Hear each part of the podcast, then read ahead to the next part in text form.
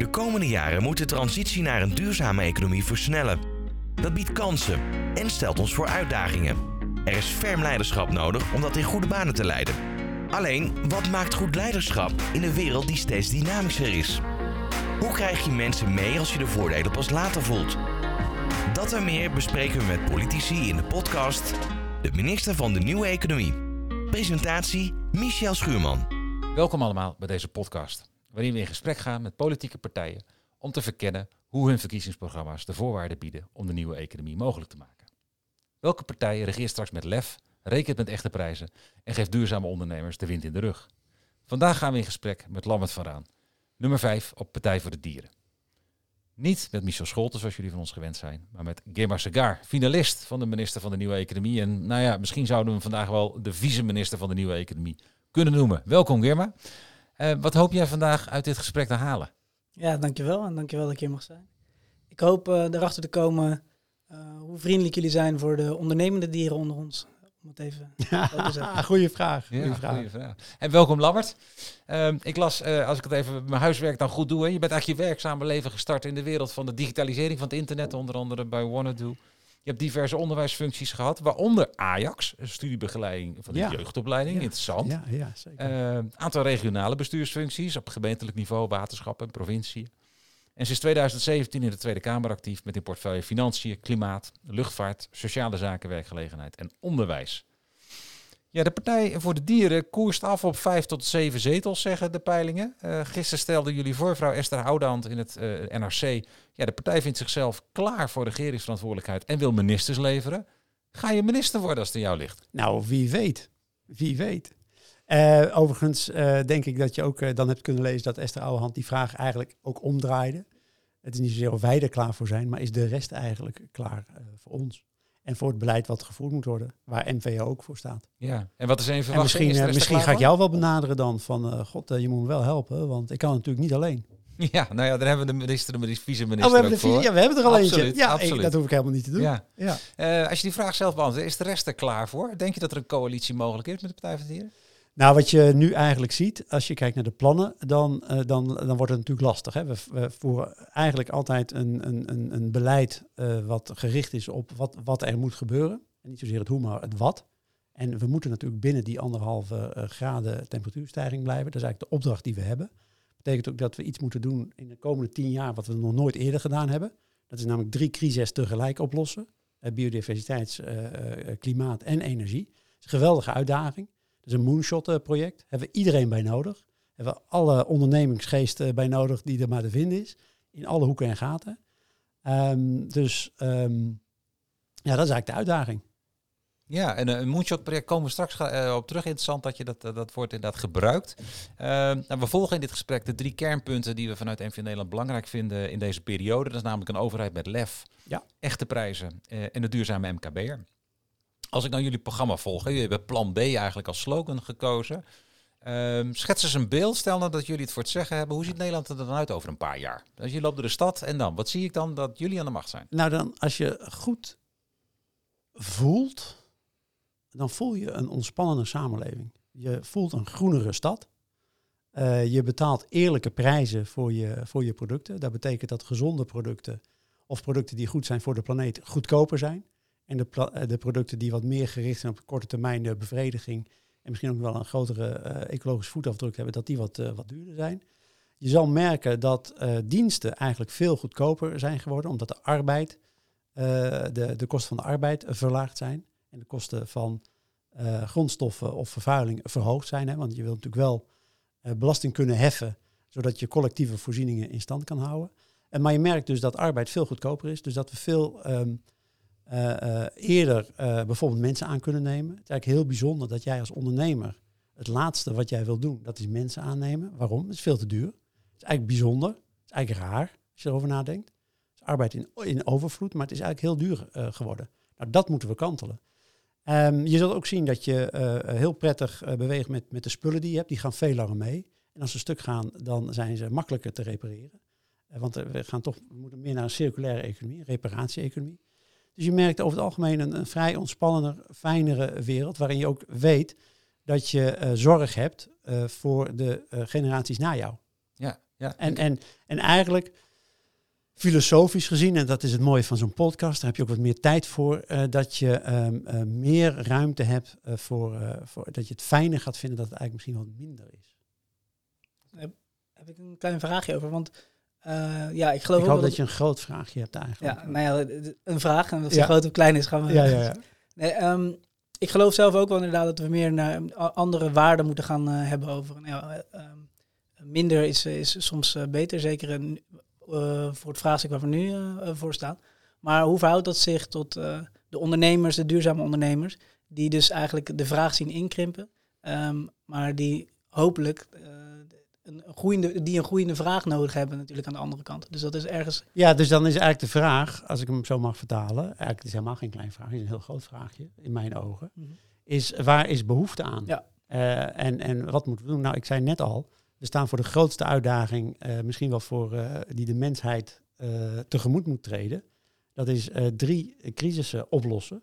En daar hebben we alle ondernemerskracht voor nodig. En wat voor producten of diensten daarbij horen. Eh, eh, ja, eigenlijk zijn ondernemers daar natuurlijk bij uitstek veel meer eh, geëquipeerd voor om dat te verzinnen. Ik kan me voorstellen dat we veel minder behoefte hebben aan mensen die kolen langsbrengen. Maar ik kan me heel goed voorstellen dat we veel meer behoefte aan hebben eh, persoonlijke ontwikkelingszaken. Dus laat die ondernemers maar schuiven. En dat komt wel goed. Daar heb ik echt wel eh, vertrouwen in. Ja, en als ik dat dan weer terugkoppel, dan ga ik even door op wat je zegt, Irma. Want aan de ene kant eh, eh, stel je, en dan volg je de wetenschap, en dan zeg je, ja, binnen nu en nou ja, zo'n tien jaar moeten we rondom biodiversiteit, rondom klimaat, enorme stappen gezet hebben. Ehm, dat zegt de wetenschap. Eh, en aan de andere kant heb je het maatschappelijk draagvlak. Hè? Hoe snel kun je nou gaan als je mensen mee wilt nemen? Er zit een enorme kloof tussen. Dat is een van de grootste dilemma's. Hoe gaan jullie dat dilemma aanpakken? Ja, nou kijk, in die drie gesprekken zijn we het eens over de analyse. Het is een podcast, dus eh, knikken zien Ja. we niet. Maar Ja. zijn we het eens over de... Ja, we zijn... Dus kijk, dat, dat, sche- dat schept al een ontzettend draagvlak met ons drieën wat er moet gebeuren. Dat er wat moet gebeuren en hoe, en hoe dat werkt. En hoe het werkt is eigenlijk dat dat besef dat het echt eh, moet gaan gebeuren, dat gaat zorgen in één keer voor enorm veel draagvlak. Dat zie je in elke omslag. Dat kan een hele tijd duren. Een hele tijd eh, is dat nog raar of, of aan, de, aan de zijkant. En in één keer zie je dat dat gaat omslaan. En dat, dat zo'n zo'n zo'n zo'n beweging, hè, de jongeren die, die roepen ook eh, heel erg om jongens, kom in actie. Nou, die staan ook nog een beetje aan de zijkant. Maar in één keer, dat zie je bij elke omslagbeweging, misschien wel bij elke bijvoorbeeld emancipatiebeweging, dan in één keer, bam, dan slaat het om. 3,5% is eigenlijk nodig. Elke vreedzame revolutie heeft ongeveer 3,5% procent eh, nodig aan, eh, aan veranderingskracht. En dan gaat het heel snel. Ja, en, het was En, en, dan, en dan zie je ook, denk ik, eh, dat dat draagvlak eh, eh, groot wordt. Dus ja, ik, ik herken dat als je bijvoorbeeld te snel gaat, of te drammerig bent, of te dit, of te dat, of te zus, of te zo, eh, dan heb je een draagvlakprobleem. Maar eh, als je gezamenlijk eh, ziet wat er moet gebeuren en dat er wat moet gebeuren. Eh, nou, we hebben hier in deze Kamer al met z'n drieën draagvlak dat het moet gebeuren. Ja, en tegelijkertijd kunnen we stellen, als je kijkt naar de peilingen van dit moment, dat 70, 80 procent van de Nederlanders een veel conservatieve koers kiest. Ja, kijk, als het makkelijk was, was het al gebeurd. eh. dus dat er wat moet, hè, dat, dat is helder. En interessant vandaag ook een stuk, eh, ik meen in Trouw, staat dat onderzoek onder topbestuurders. Het merendeel eigenlijk spiegelt en zegt van ja, we vinden het heel belangrijk als topbestuurders, maar we doen er veel te weinig aan. Ja. En dan wordt er gerefereerd, en dat is natuurlijk altijd het verschrikkelijke woord, ja, het systeem zit ik in vast, en dan wordt het iets ongrijpbaars. Ja, Ehm, wat kan jullie partij nou doen? Even los Nou- van of je in, in, in, in, in de oppositie zit of in de regering zometeen, om ja. een aantal voorwaarden te scheppen, waardoor mensen die nu in bestuursposities zitten, die zeggen, ja, ik zou het wel willen, maar ja, ik zit ook met allerlei eh, systeembegrenzingen, om die begrenzingen te veranderen. ja, dat zit hem voor een deel. Dat is de, taak van een eh, politicus. Is, is natuurlijk deel wetgeving. Is gewoon het speelveld veranderen. Kun je daar een concreet voorbeeld van Verander de regels. Nou, eh, belastingwetgeving is bijvoorbeeld bij uitstek geschikt om gedrag te veranderen of systemen te veranderen. We praten al jaren over de vervuiler moet betalen. Eh, nou, eh, we hebben recent een, eh, een zogeheten eh, belasting op vlees geïntroduceerd. Die een belasting op vlees heel vroeg in de keten legt. We, we weten allemaal dat de vleesproductie enorm vervuiling mee, met zich meedraagt die niet ingeprijsd zit. Dus prijs je dat wel in, met name in het begin van de keten, zodat de keten zelf kan uitvinden wat de beste manier is om met die eerlijke beprijzing, die ook in jullie manifest staat, hoe daarmee om te gaan. Dus dat leg je niet op als, als van bovenaf, maar je zegt gewoon nee, dat moet eerlijker beprijsd worden. Dat betekent in het begin van de keten. En ja, de ondernemers, de keten, gaat zelf kijken hoe gaan we daarmee om. Partij voor de Dieren hoopt op een transitie van dierlijke naar plantaardige eiwitten. Een deel van die prijs zal misschien worden doorgegeven aan de consument. Um, misschien neemt de keten wat minder genoeg met winst. Maar dat zijn, dat zijn zaken waarmee je dus echt de werkelijkheid verandert. Dus belastingwetgeving, wetgeving. De Klimaatwet 1.5 is een ander uh, voorbeeld van uh, wat, de, wat de Partij voor de Dieren gedaan heeft. en dan zie je dat je het voor die ondernemers ook makkelijker maakt. Want die zitten, in die zin geef ik ze ook groot gelijk, die zitten toch gevangen in een soort systeem. Dus moet je het systeem veranderen. Ja, en, en, en, nou, en, en daar zijn wij onder andere voor opgericht. Ten diepste natuurlijk ook als emancipatiepartij. Om eigenlijk uh, de dieren te bevrijden uit uh, de, de gevangenketen waar ze in zitten. En daar, daar zit natuurlijk een, een, filosofie achter dat je het met z'n allen moet doen. En dat je de kwetsbaren uh, eigenlijk moet beschermen tegen het recht van de sterkste. En dat is in 9 van de 10 gevallen emancipatieontwikkelingen zijn altijd, uh, ja, is altijd een strijd van, uh, van bewustwording en de spelregels veranderen. Want binnen de spelregels gaan we niet redden. Volgens mij hebben we dat net met z'n drieën vastgesteld.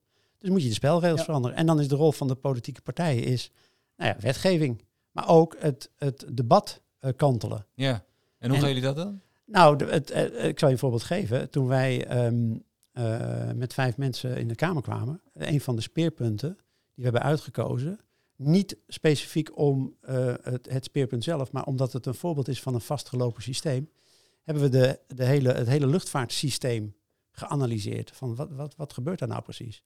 En dan zie je dat zo'n luchtvaartsysteem als geheel volledig is vastgelopen. Uh, eh, 70 jaar, 80 jaar geleden is, het, uh, is er besloten om het systeem te veranderen om luchtvaart te stimuleren. En daar was een hele goede reden voor. En die reden was namelijk nooit meer oorlog.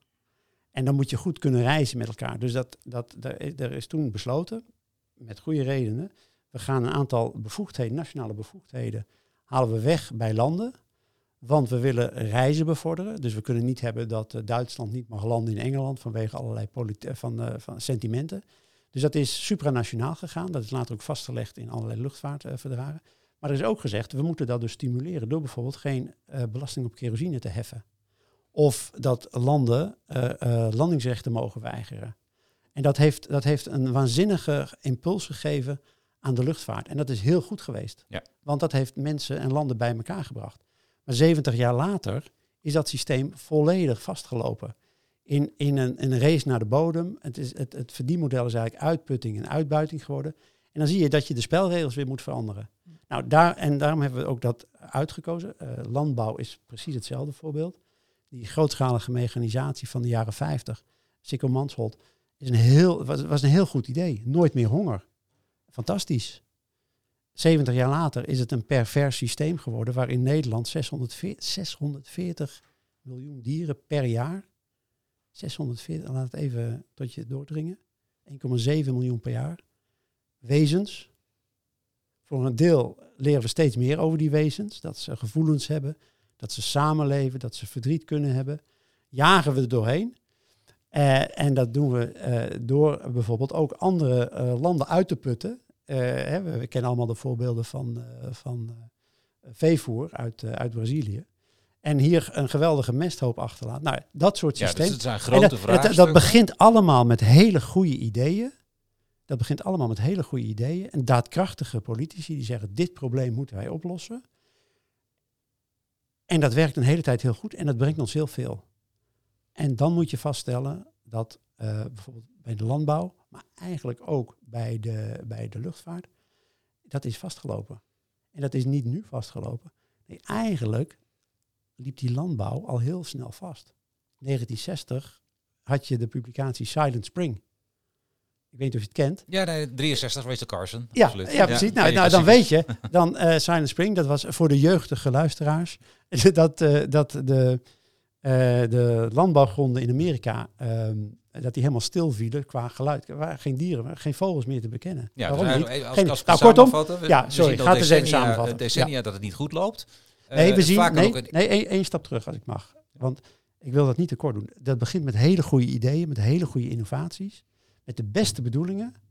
En dan, gaat, en dan, wordt, er ook, dan wordt ook een systeem gecreëerd. Hè. Eigenlijk wordt er een systeemverandering geïntroduceerd. Ja, en dan ga jij nu wat Ja, zeggen. en dan na een aantal decennia merken we, eh noem het maar even, ongewenste eh, bijproducten. Die we niet voorzien hadden, maar we moeten wel To bijsturen. put it mildly. To put it mildly, inderdaad. Ehm, maar dat betekent ook dat veel van de, zeker de ketens die u net benoemd, luchtvaart, landbouw, eh, grote, ondertussen geglobaliseerde ketens. Wat gaat, en dat zeg ik dan met alle respect, een partij met nou, misschien vijf, zeven zetels in een klein land relatief veranderen op dat grote speelveld? Ik denk de wereld. Ik denk de wereld. Want wij zijn niet meer die hele kleine partij. Wij maken zelf ook deel uit van een hele grote beweging die het anders wil. En zo moet je ons zien. Je moet ons niet zien als een klein, klein partijtje wat, wat toevallig eh, gekozen is in een klein landje. Nee, je moet ons zien als deel uitmaken, vertegenwoordiger van een, een, een, een wereldwijde golf van, van emancipatie, van veranderingsdrang, van veranderingsenergie, waar wij deel van uitmaken waar we energie aan ontlenen, maar waar we ook onze ideeën aan teruggeven. Eh, en zo gaan we dat veranderen. Ja, Mag ik daar een vraagje over stellen? Nee, zeker. Ehm, in hoeverre heeft dat dan eh, straks, als jullie bijvoorbeeld in de regering komen, of eh, ehm, met veel zetels in de oppositie, ehm, of eh, ja, eh, heeft dat dan ook straks voordeel met dus de, de toenadering bij welwillende landen die bijvoorbeeld nou ja, over dat eh, een gelijk speelveld creëren? Je, je geeft aan van er veel internationale eh, mogelijkheden bij Partij voor de Dieren.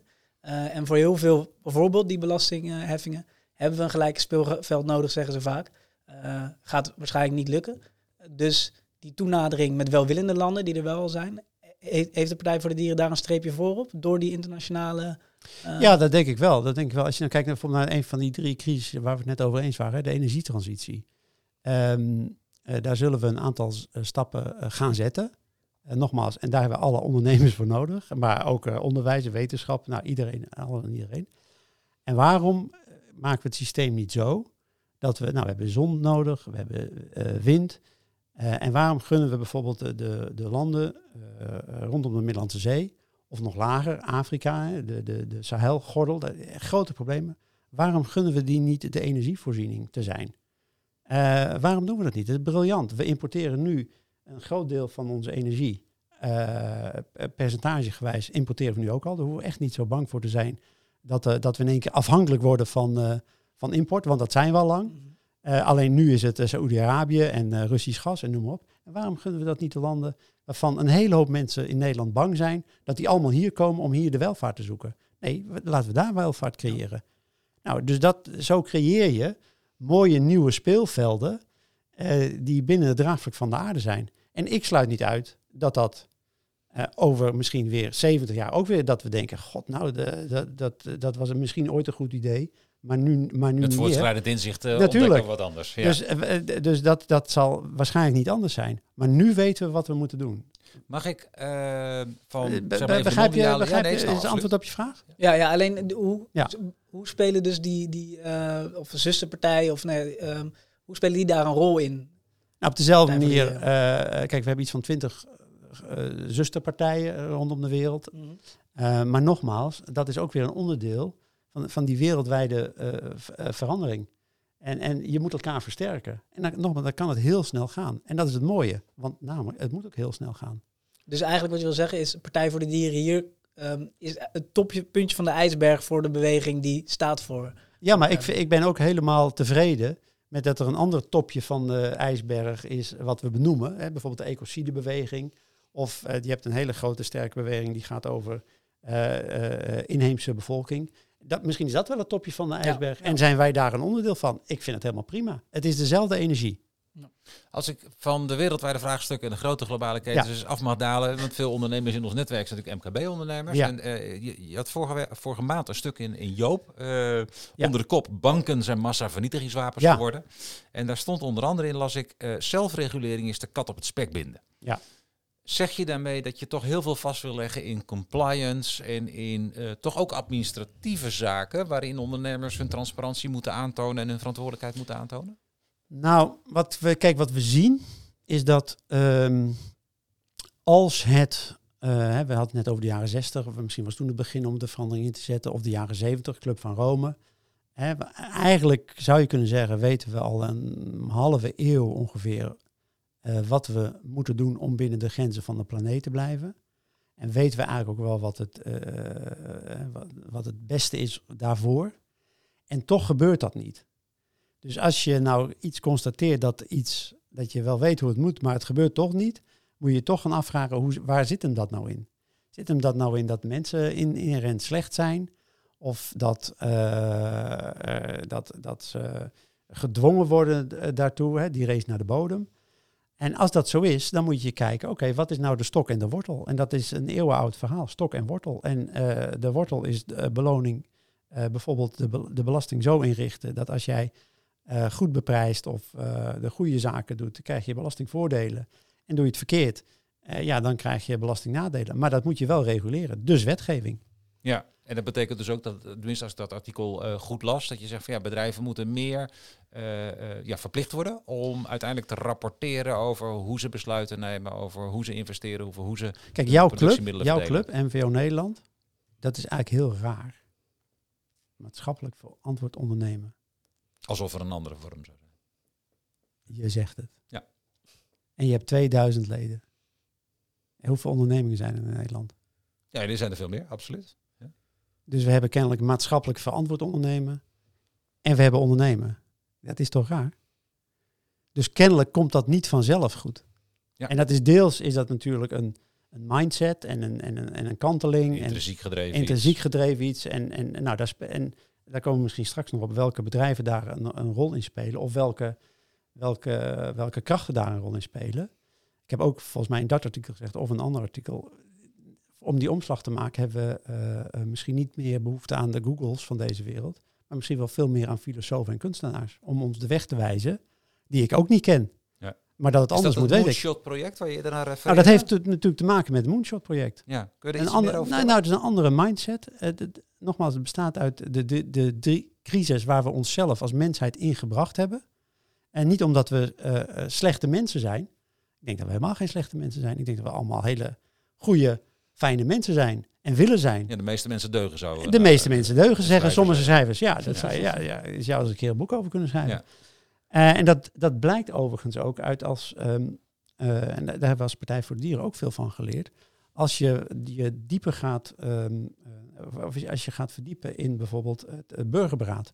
En wat Extinction Rebellion aan de tafel gebracht heeft. Dan, dan, dan, dan, dan is een burgerberaad systeem ontwikkeld. Waarbij je in eerste gedachte zegt, oh, we kunnen het wel aan burgers overlaten om bijvoorbeeld een klimaatvraagstuk eh, eh, eh, aan over te laten. Want ja, misschien zeggen die burgers wel, nou, het klimaat, eh doei, ik ga liever nog steeds voor 30 euro naar Ibiza. En wat blijkt dan? Geef burgers genoeg tijd, ruimte, informatie, zekerheid. En dat komt vanzelf goed. Want niemand wil het verpesten voor zijn, eh, voor zijn kinderen. Niemand wil een egoïst zijn. Dus en dat, die mindset veranderen, dat is een onderdeel van zo'n moonshot-project. Waar, waarin we nogmaals ook heel veel eh, nieuwe innovatie, nieuwe innovatie? Innovatie, nodig, hebben, Ja. eh, om dat te bereiken. En waar zit dat? Ja, die kracht zit hem grosso modo toch ook bij ondernemers. ja. Dus die hebben we gewoon super hard nodig. Maar hoe dat eruit ziet, ik weet het niet. Ik weet is alleen dan een maar. uitnodiging die jullie doen? Want in principe in jullie Nou, programma lees je daar niet zo heel veel over terug richting met name even de innovatieve MKB-ondernemer. Om, hè, dat is die uitnodiging die, ik- die ik bedoel, om te participeren in zo'n moonshot-project en dan ook business eruit te genereren. Is dat dan wat je Nou bedoelt? ja, we kunnen niet zonder ze. Ja. Eh, want eh, ik- als eh, politicus kan dat niet. Maar hij of zij als ondernemer kan dat ook niet. Dus we hebben, we hebben, ja, ik kan het niet genoeg benadrukken. Ja, maar welke Om die- voorwaarden gaan jullie dan concreet scheppen Nou, wat ik, duurzame ik, nou, ik noemde al een aantal zaken. Er zit voor, voor een deel natuurlijk in die eh, cultuuromslag waar we het over hadden. Dat zit voor een deel zit hem in de belastingwetgeving. Dat zit hem in voor een deel ook een aantal dingen, heilige huisjes waarschijnlijk eh, omkeilen die in stand zijn gebleven. Dankzij dat, ja, dat logge momentum van, nou, het is nou eenmaal zo. En, eh, Zoals? et cetera. Nou ja, die, die, bijvoorbeeld die, eh, die subsidies op fossiele brandstoffen. Dat, dat, dat kan niet meer. Dat is heel jammer, dat is waar eenmaal. Dat, dat is ooit een goed idee geweest. Eh, die, de, de, de energiebelasting, die is hartstikke degressief. Ja. En dat was een heel goed idee, ook weer in de jaren 50, om industrie op te bouwen, die zeker die in, energie in, eh, intensief is. Want daar stimuleert mee. En dat heeft als een trein gewerkt. Heeft als een trein gewerkt. Eh, en nu hindert het eigenlijk de energietransitie. En daar staan jullie nog niet op 76 zetels. Dus je zult dat in een Ik coalitie heb de laatste moeten... peilingen nog niet gezien. Nee, maar, we- nee, nee. 6 à 7 zou kunnen, maar 76 zit nog wat ver weg. Dus je zult andere partijen erin mee moeten nemen in dat gedachtegoed. Hoe gaan jullie dat doen? Eh, nou, precies te doen wat we nu doen. Wat ik jou nog niet uitleggen ben. Ik merk ook aan jullie dat je denkt, ja verdomd, het is inderdaad zo. Wanneer kan ik beginnen? Ja, en, maar toch zijn er heel veel eh, partijen, toch? We moeten toch constateren, die 70, 80 procent ook steun krijgen van kiezers. Die daar toch anders in zitten. Dus daar zul je iets van compromis moeten sluiten. Dat hoort ook bij de politiek. Ja, want, mag ik daar even nog een, een diepere Ja. vraag op stellen? Want ehm, het gaat op een gegeven moment ook niet meer inderdaad of, of er naar CO2 straks, of een CO2-heffing komt, want dat is een grote kans dat het er komt. Maar ehm, er moet gewoon 100 euro per, per CO2-ton straks worden ehm, geheft. betaald. Al, ja, al- als er überhaupt, om, om het zin te laten hebben. Want eh, dat zei mijn, mijn, degene die normaal dit stoeltje ook zet. eh, we kunnen niet met halve maten regelen, we moeten echt er vol erin. En hoe, hoe gaat eh, partij, partij, jouw partij dat bewerkstelligen? Dat dus dat we niet even symbolisch het, het gaan doen, maar echt vol ervoor gaan. Hoe we dat gaan bewerkstelligen. Ja, dus die andere partijen meekrijgen. En het is bijna alles of niets, als het ware. Kijk, het ironische en het cynische is bijna dat eh, omdat de, een aantal partijen, met name de partijen die nog ge- gegrondvest zijn in het oude denken, en ik noem dat bewust het oude denken, en dan Mhm. praat je toch over eh, de, de VVD's van deze wereld, CDA's, van deel D66. Eh, hoe langer die treuzelen, hoe moeilijker het natuurlijk wordt. En steeds meer mensen krijgen dat in de gaten. Ja. Dus wat doen wij? Wij stellen wetten voor. Eh, nou, ik heb je net een voorbeeld genoemd. Hè? Dat is de slagtax. Andere wet, ik hoop dat we het straks nog even over kunnen hebben, is de Klimaatwet 1.5. Ja. En steeds meer mensen hebben door, is het niet in het parlement, dan is het wel buiten het parlement, van hé hey, verrek, dit is inderdaad wat nodig is. En die kijken gewoon voorbij eh, wie dat doet. Ja, dat is dan toevallig Partij voor de Dieren. Ja, ik kan je melden, dat is niet toeval. Maar voor, vanuit hun gezien is dat toeval. En die, die zien gewoon ankerpunten van verandering. En wij zijn daar één van. Dus zo gaan wij dat bewerkstelligen. Net zo goed hoe we het, het, het debat waar we het net over hadden, het luchtvaartdebat hè, als systeem, eh, toen wij daar eh, mee aan de slag gingen. En wij kwamen tot de conclusie, fair share naar rato, een Nederlandse luchtvaart, eh, is eigenlijk qua uitstoot eh, 2,5, 3,5 megaton in 2030. Fair share naar rato. Ja. Dat is nu eh 11. En als dan de sector ligt, noemen ze dat zelf duurzaam en slim en duurzaam. En dat is vertaald in de luchtvaartnota. Zitten ze op 12 megaton in 2030. Terwijl naar rato is het 2,5, 3,5. En het punt is, en daar, hoe gaan we dat bewerkstelligen? Want dat is steeds jouw vraag. Als je dat eenmaal ziet, hé, die sector die pakt 12 megaton, noemt zichzelf eh, eh, slim en duurzaam, eh, terwijl fair generator maar 2,5, 3,5 megaton is. Als je dat eenmaal ziet en, en weet en door, door deze bent en dat goed beredeneerd hebt, het moet geen sprookje zijn, maar dat hebben we gedaan. Nou, we dat hebben goed beredeneerd. dat de realiteit is En, dat en dat- dan in één keer, dan, zie je, dan kun je het ook niet meer anders zien. En dan ga je in één keer denken, verrek, verrek, dat kan helemaal niet. We moeten al die vluchten reserveren. Eh, of eh, die, dat CO2-budget, dat kunnen we niet meer besteden aan goedkope vluchtjes. Dat zijn, moeten echt de vluchten zijn die, die nodig zijn. Hè? En er zijn nog geen alternatieven voor lange afstandsvluchten. Dus luchtvaart is een legitieme tak.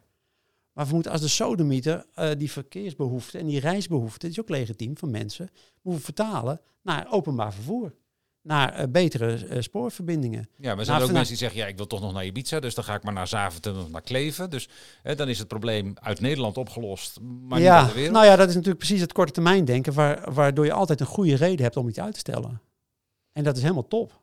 Want dat kan altijd. Dat kun je als mens kun je eindeloos zelf voor jezelf voor de gek houden. Want ik, dan ga ik naar, naar Zaventem. Ja, Ja. dat kan. Ja, dat- prima. En de historie heeft ons natuurlijk bewezen, dat vind ik interessant. Ik heb zelf, moet er gelijk bij zeggen, militaire achtergrond, dus daar valt er misschien wat meer op. Eh in 1941 Pearl Harbor, Amerika eh, raakte in een oorlog. Binnen drie maanden tijd is de Amerikaanse industrie omgeturnd Ja. en, en maakt Ford tanks en maakt Ja. Boeing straaljagers. Eh, na de bommen op Hiroshima en Nagasaki turnt dat binnen een half jaar weer terug naar civiele industrie. En is veel innovatiever geworden. Dus ze hebben er uiteindelijk veel uit overgehaald. Wat dus nodig was, Ja. klaarblijkelijk, was een gemeenschappelijke vijand en het is nu oorlog. Dat gevoel ontbreekt nu toch voor een groot gedeelte nog in de samenleving. Ehm, hoe krijgen we toch die urgentie dan op de radar zonder dat letterlijk misschien het water aan de lippen staat zo? Ja. Schitterende bijkomstigheid die jij ook trouwens noemt. Dat de ongelijkheid in inkomens en vermogen ook voor een heel groot deel eh, in één keer eh, van de baan was. Eh, waardoor de, de naoorlogsperiode qua ongelijkheid veel, veel kleiner was. En de kansengelijkheid voor allerlei emancipatoire groepen veel groter werd. dus dat, wordt, dat is vaak een effect wat vergeten wordt. Maar dat zorgt er ook voor. Dus die crisis. Ja, nou, we, kunnen, we zouden kunnen kiezen bijvoorbeeld. Weet je wat, we wachten gewoon nog. we gaan nog tien jaar feest vieren. Dat kan best. Dat kan best. Hoort dat bij de menselijke psyche, denk je? We begonnen een beetje filosofisch eerder. Uh, voor een deel wel. Als je het niet weet, of als je het niet uh, beseft, of als je uh, jezelf heel goed voor de gek kan houden. Dat, dat zijn aspecten die bij de menselijke psyche horen. Maar tegelijkertijd, wat ook bij de menselijke psyche hoort, is als je het helemaal weet en je wil. de meeste mensen willen echt gewoon het goede doen. En die, hebben gewoon, die beginnen steeds meer door te krijgen. En wat ik nu doe, heeft effect op mijn, mijn nageslacht, maar ook mensen elders. Dat is bijvoorbeeld de reden waarom we Partij voor Dieren ook de brede welvaartsbegrip zo omarmt. Want dat is een nieuwe manier om naar de economie te kijken. Ja. Um, dus ik, ja, het klopt. Dat, dat hoort bij de mensen. Dat als het niet direct uh, het water aan de lippen staat, kun je jezelf heel lang voor de gek houden. Um, maar we weten inmiddels ook dat het water staat ons eigenlijk tot aan de lippen. Alleen dat moet nog wel verteld worden. Dat is ook een van de uitgangspunten van de Extinction Rebellion. Uh, vertel wat er aan de hand is. De meeste mensen weten niet uh, wat er aan de hand is. Ja. Ik kan me nog een heel goed uh, verhaal herinneren in de Groene Amsterdammer. Dat ging over iemand die was op wintersport, twee, drie jaar geleden. Die, die, die schreef daarover een, een artikel. En die was opgevallen. Die, die vond het eigenlijk helemaal onheimisch geworden. Want wat was er namelijk aan de hand? Er was geen sneeuw waar zij zat. Er was gewoon geen sneeuw. Wintersport, sneeuw weg. Klimaatverandering. En wat, waarom vond ze dat zo onheimisch? Niemand had het daarover. Hmm. Want de piste zelf waren natuurlijk met kunstsneeuw. Ja. En voor de rest... Een witte tong die over de berg ligt. Hartstikke groen. En niemand had het daarover. En dat soort uh, onheimische, dat zul je steeds meer zien. En nogmaals, als je dat ook eenmaal doorhebt dat dat zo is, dan kom je in actie. Het is ook niet voor niks dat bijvoorbeeld die, die jongeren allemaal zo in actie uh, komen. En dan moet zit dat in die klimaatwet 1.5? Misschien daar nog even bij stilstaan. Wat zit uh, dat je kan skiën op een uh, kunst... Wellicht ook, maar dat kan ook misschien in Landgraaf of Zoetermeer. Uh, ja, precies. Maar om nog even, wat zijn dan de oplossingsrichtingen die jullie voorstaan op de korte termijn? Ja, nou wat, wat we met de klimaatwet 1.5 beogen te doen, is eigenlijk de huidige klimaatwet repareren. Want wat daar eigenlijk gebeurd is, is dat er is een start gemaakt met een goede wet van GroenLinks en PvdA. Die hebben daar goede dingen in geschreven was overigens een initiatief, een motie-initiatief van uh, Marianne Thieme en Jesse Klaver. Uh, overheid, maak een goede klimaatwet. Uh, nou, die, dat deden ze niet. Dus Klaver en Samson zijn zelf aan de slag gegaan. Daar is een redelijk goede klimaatwet uitgekomen. Met elementen die echt nodig zijn, zoals de wetenschap ons dat vertelt. En wat er toen gebeurd is, is er is een compromis gezocht met, met zes, zeven andere partijen. Dus iedereen heeft daar zijn dingetje in mogen doen. Nou, de resultaten zien we eh, deze week onder andere. Eh, dat GroenLinks, de ene maker van de klimaatwet en ondertekenaar van de klimaatwet, de andere ondertekenaar van de klimaatwet verwijt dat ze niks aan elkaar hebben. Uh, want VVD haalt de doelen helemaal niet. Maar ondertussen hebben we wel een soort schijnwereld gebouwd van dat er een klimaatwet is die, waarmee we Parijs gaan halen. Mhm. Terwijl als je in die klimaatwet kijkt, wat er staat, dat is verworden tot een soort uh, aanzichtkaart die uh, Mark Rutte kan sturen naar uh, Parijs. Met uh, jongens, we doen ons best, Akela, goed uit Nederland. Meer waarde heeft het niet.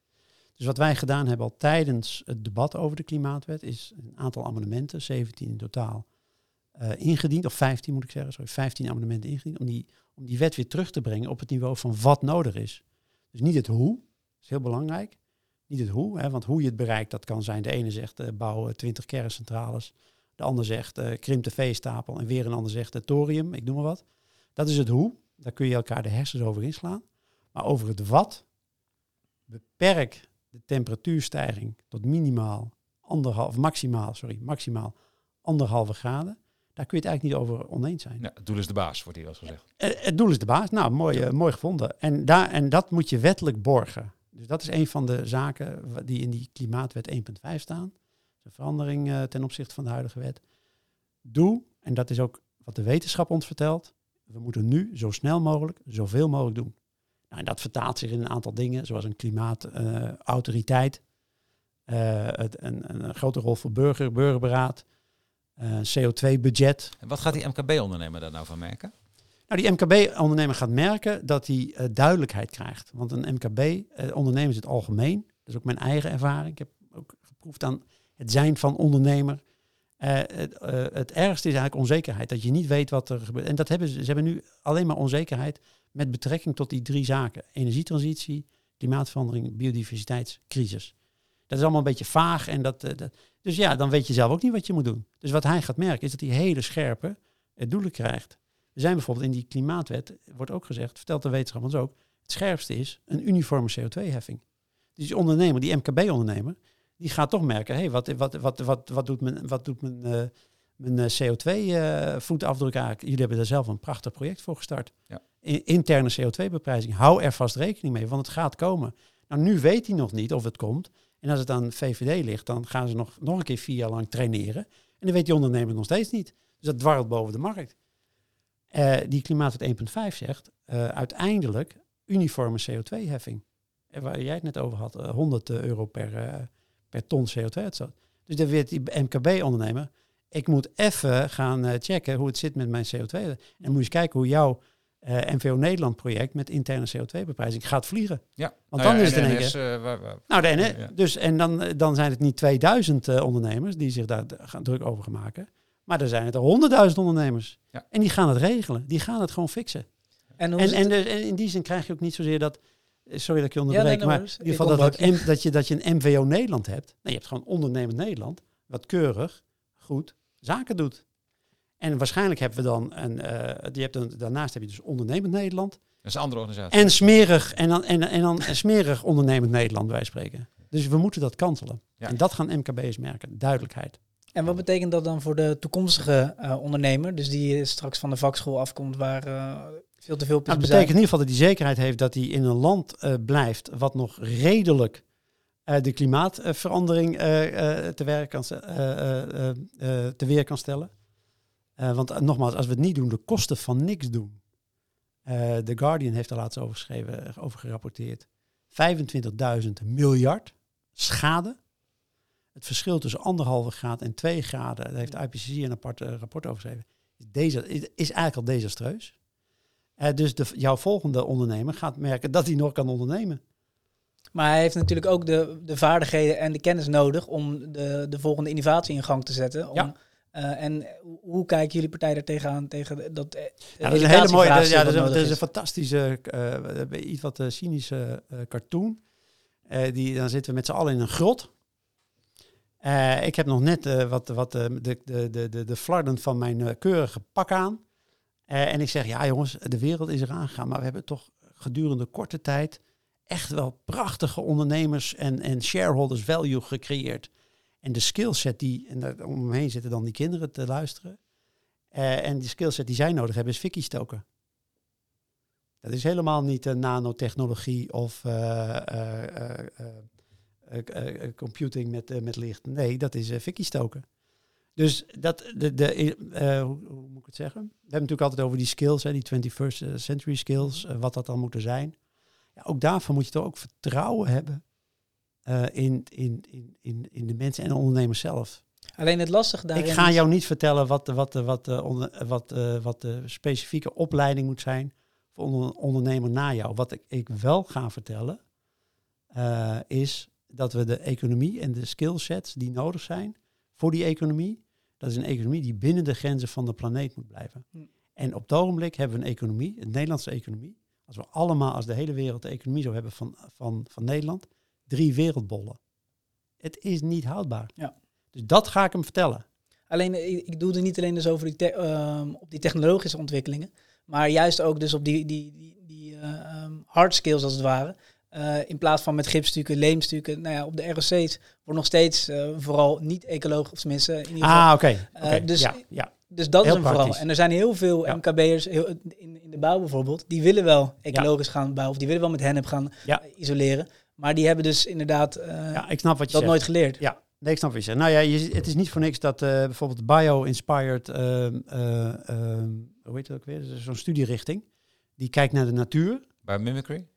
Nou, dat is, dat is een aspect er inderdaad van, hè, dat je de natuur eh, nadoet, hoe, eh, hoe, die, hoe je over het plafond kan lopen, dat je naar de, bijvoorbeeld. bijvoorbeeld. Eh, maar ook hoe je nieuwe, nieuwe bouwmaterialen kan, kan maken, kijkend naar de natuur. Ja, dat zijn, dat zijn natuurlijk studierichtingen, ja, die hebben de toekomst. Bio-inspired, nou, We zoeken we even op. Ja, ja, ja. Eh, of kijk vooral in de, naar de studierichtingen ook. Dus dat zijn eh, studierichtingen die, die heel hard nodig zijn. En daar moeten we in investeren, zodat die kennis ook weer kan doorcijpelen naar praktische eh, opleidingen. Want nogmaals, die ondernemers willen wel. Ja, die zitten met beton. Nou ja, beton is een van de, van de meest CO2-uitstotende eh, stoffen. Dus we moeten naar andere bouwmaterialen. Bijvoorbeeld naar hout. Ja, nu stoken we het op.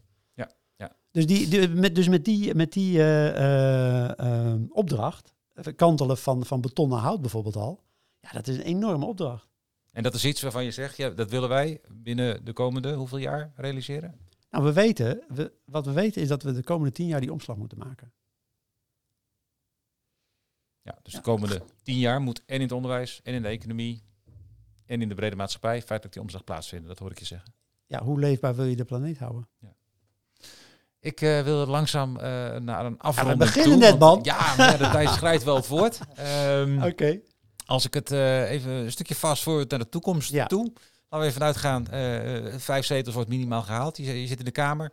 Je hebt niet alles kunnen doen, want zo is de Nederlandse politiek nou eenmaal. Dus ja, veestapel, luchtvaart, ergens moet je kiezen. Wat is nou hetgeen waar je zegt van nou, als alles dan afgevallen is, als ik dit maar gerealiseerd heb.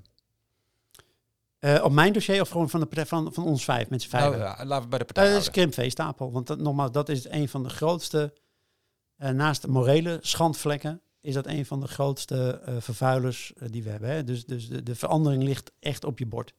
Ja. De belangrijkste wapen En is tegen klimaatverandering. dan ook krimp boerenbedrijf? Nee, natuurlijk niet. Die, die fout wordt heel vaak gemaakt.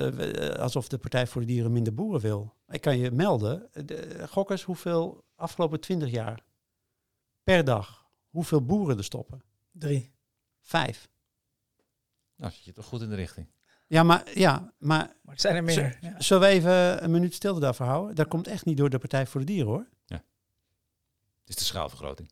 Schaalvergroting, financiering, banken, weapons, mass of destruction. We hadden het al over die financieren model gebaseerd op uitbuiting en uitputting. Het is niet houdbaar. Dus als je zegt van wat moet je nou veranderen, dan is de Dat landbouw en de, het zichzelf op feitelijk. Voor een deel wel. Ja. En we moeten sowieso terug naar veel kortere ketens, eh, veel extensiever eh veeteelt. Eh, dus we hebben echt niet behoefte aan minder boeren. Dat is een soort Maar wat is de waarde die achter die inkrimping van de veestapel zit? Want veel mensen die haken af op dat inkrimpen omdat ze niet precies begrijpen welke waarden daarachter zitten. Er zit, een hele, er zit eigenlijk een heel complex van waarden achter. Nogmaals, voor de Partij voor Dieren telt heel zwaar vier uitgangspunten. Persoonlijke vrijheid, persoonlijke verantwoordelijkheid, compassie en duurzaamheid. Dus het is jouw persoonlijke vrijheid en verantwoordelijkheid of je wel of niet vlees eet. Dus we zullen niet een wet gaan introduceren van je mag geen vlees eten. Het is jouw keuze. Maar je moet je wel realiseren dat je eh, met dat vlees eten, wat je daarmee teweeg brengt. Ook moreel gezien. Dat is één. Dat, dat heeft iets voor een hoop mensen wat aanmatigends. Eh, en dat zij zo. Dat hoort ook echt bij die emancipatiegedachte dat je het dier wil bevrijden uit, uit zijn keten. Op dezelfde manier waarop we ook ooit gedacht hebben dat vrouwen, ja, ja, het zijn wel mensen, maar ja, ze zijn toch niet helemaal eh, gelijkwaardig. Of mensen met een andere kleur, ja, het zijn wel mensen, maar ja, ze, weet je, die emancipatiegedachte, dat zit daarachter. Dat is een van de waarden die wij echt voelen. En tegelijkertijd zit er ook een hele ja, meetbare schadelijkheid aan, aan het eten van, eh, van dierlijke eiwitten. En dat vernietigt onze planeet. Dat is niet iets wat de Partij voor de Dieren verzint, maar dat is, eh, dat is een objectiefbaar, eh, eh, ob- eh, objectief meetbaar feit. En het jaagt ook nog eens een keer een hele rijke beroepsgroep weg, namelijk de boeren. Eh, Dus, dus een ja, ander verdienmodel op het boerenerf. Dat hoor ik eigenlijk als ik het samenvat. God, dat kun jij goed samenvatten. Ja, dat is een beetje mijn rol ook vandaag. Ik wil je ontzettend bedanken Ja. voor deze informatie en voor het goede gesprek, Lambert. Ja. Dankjewel. Tot je dienst.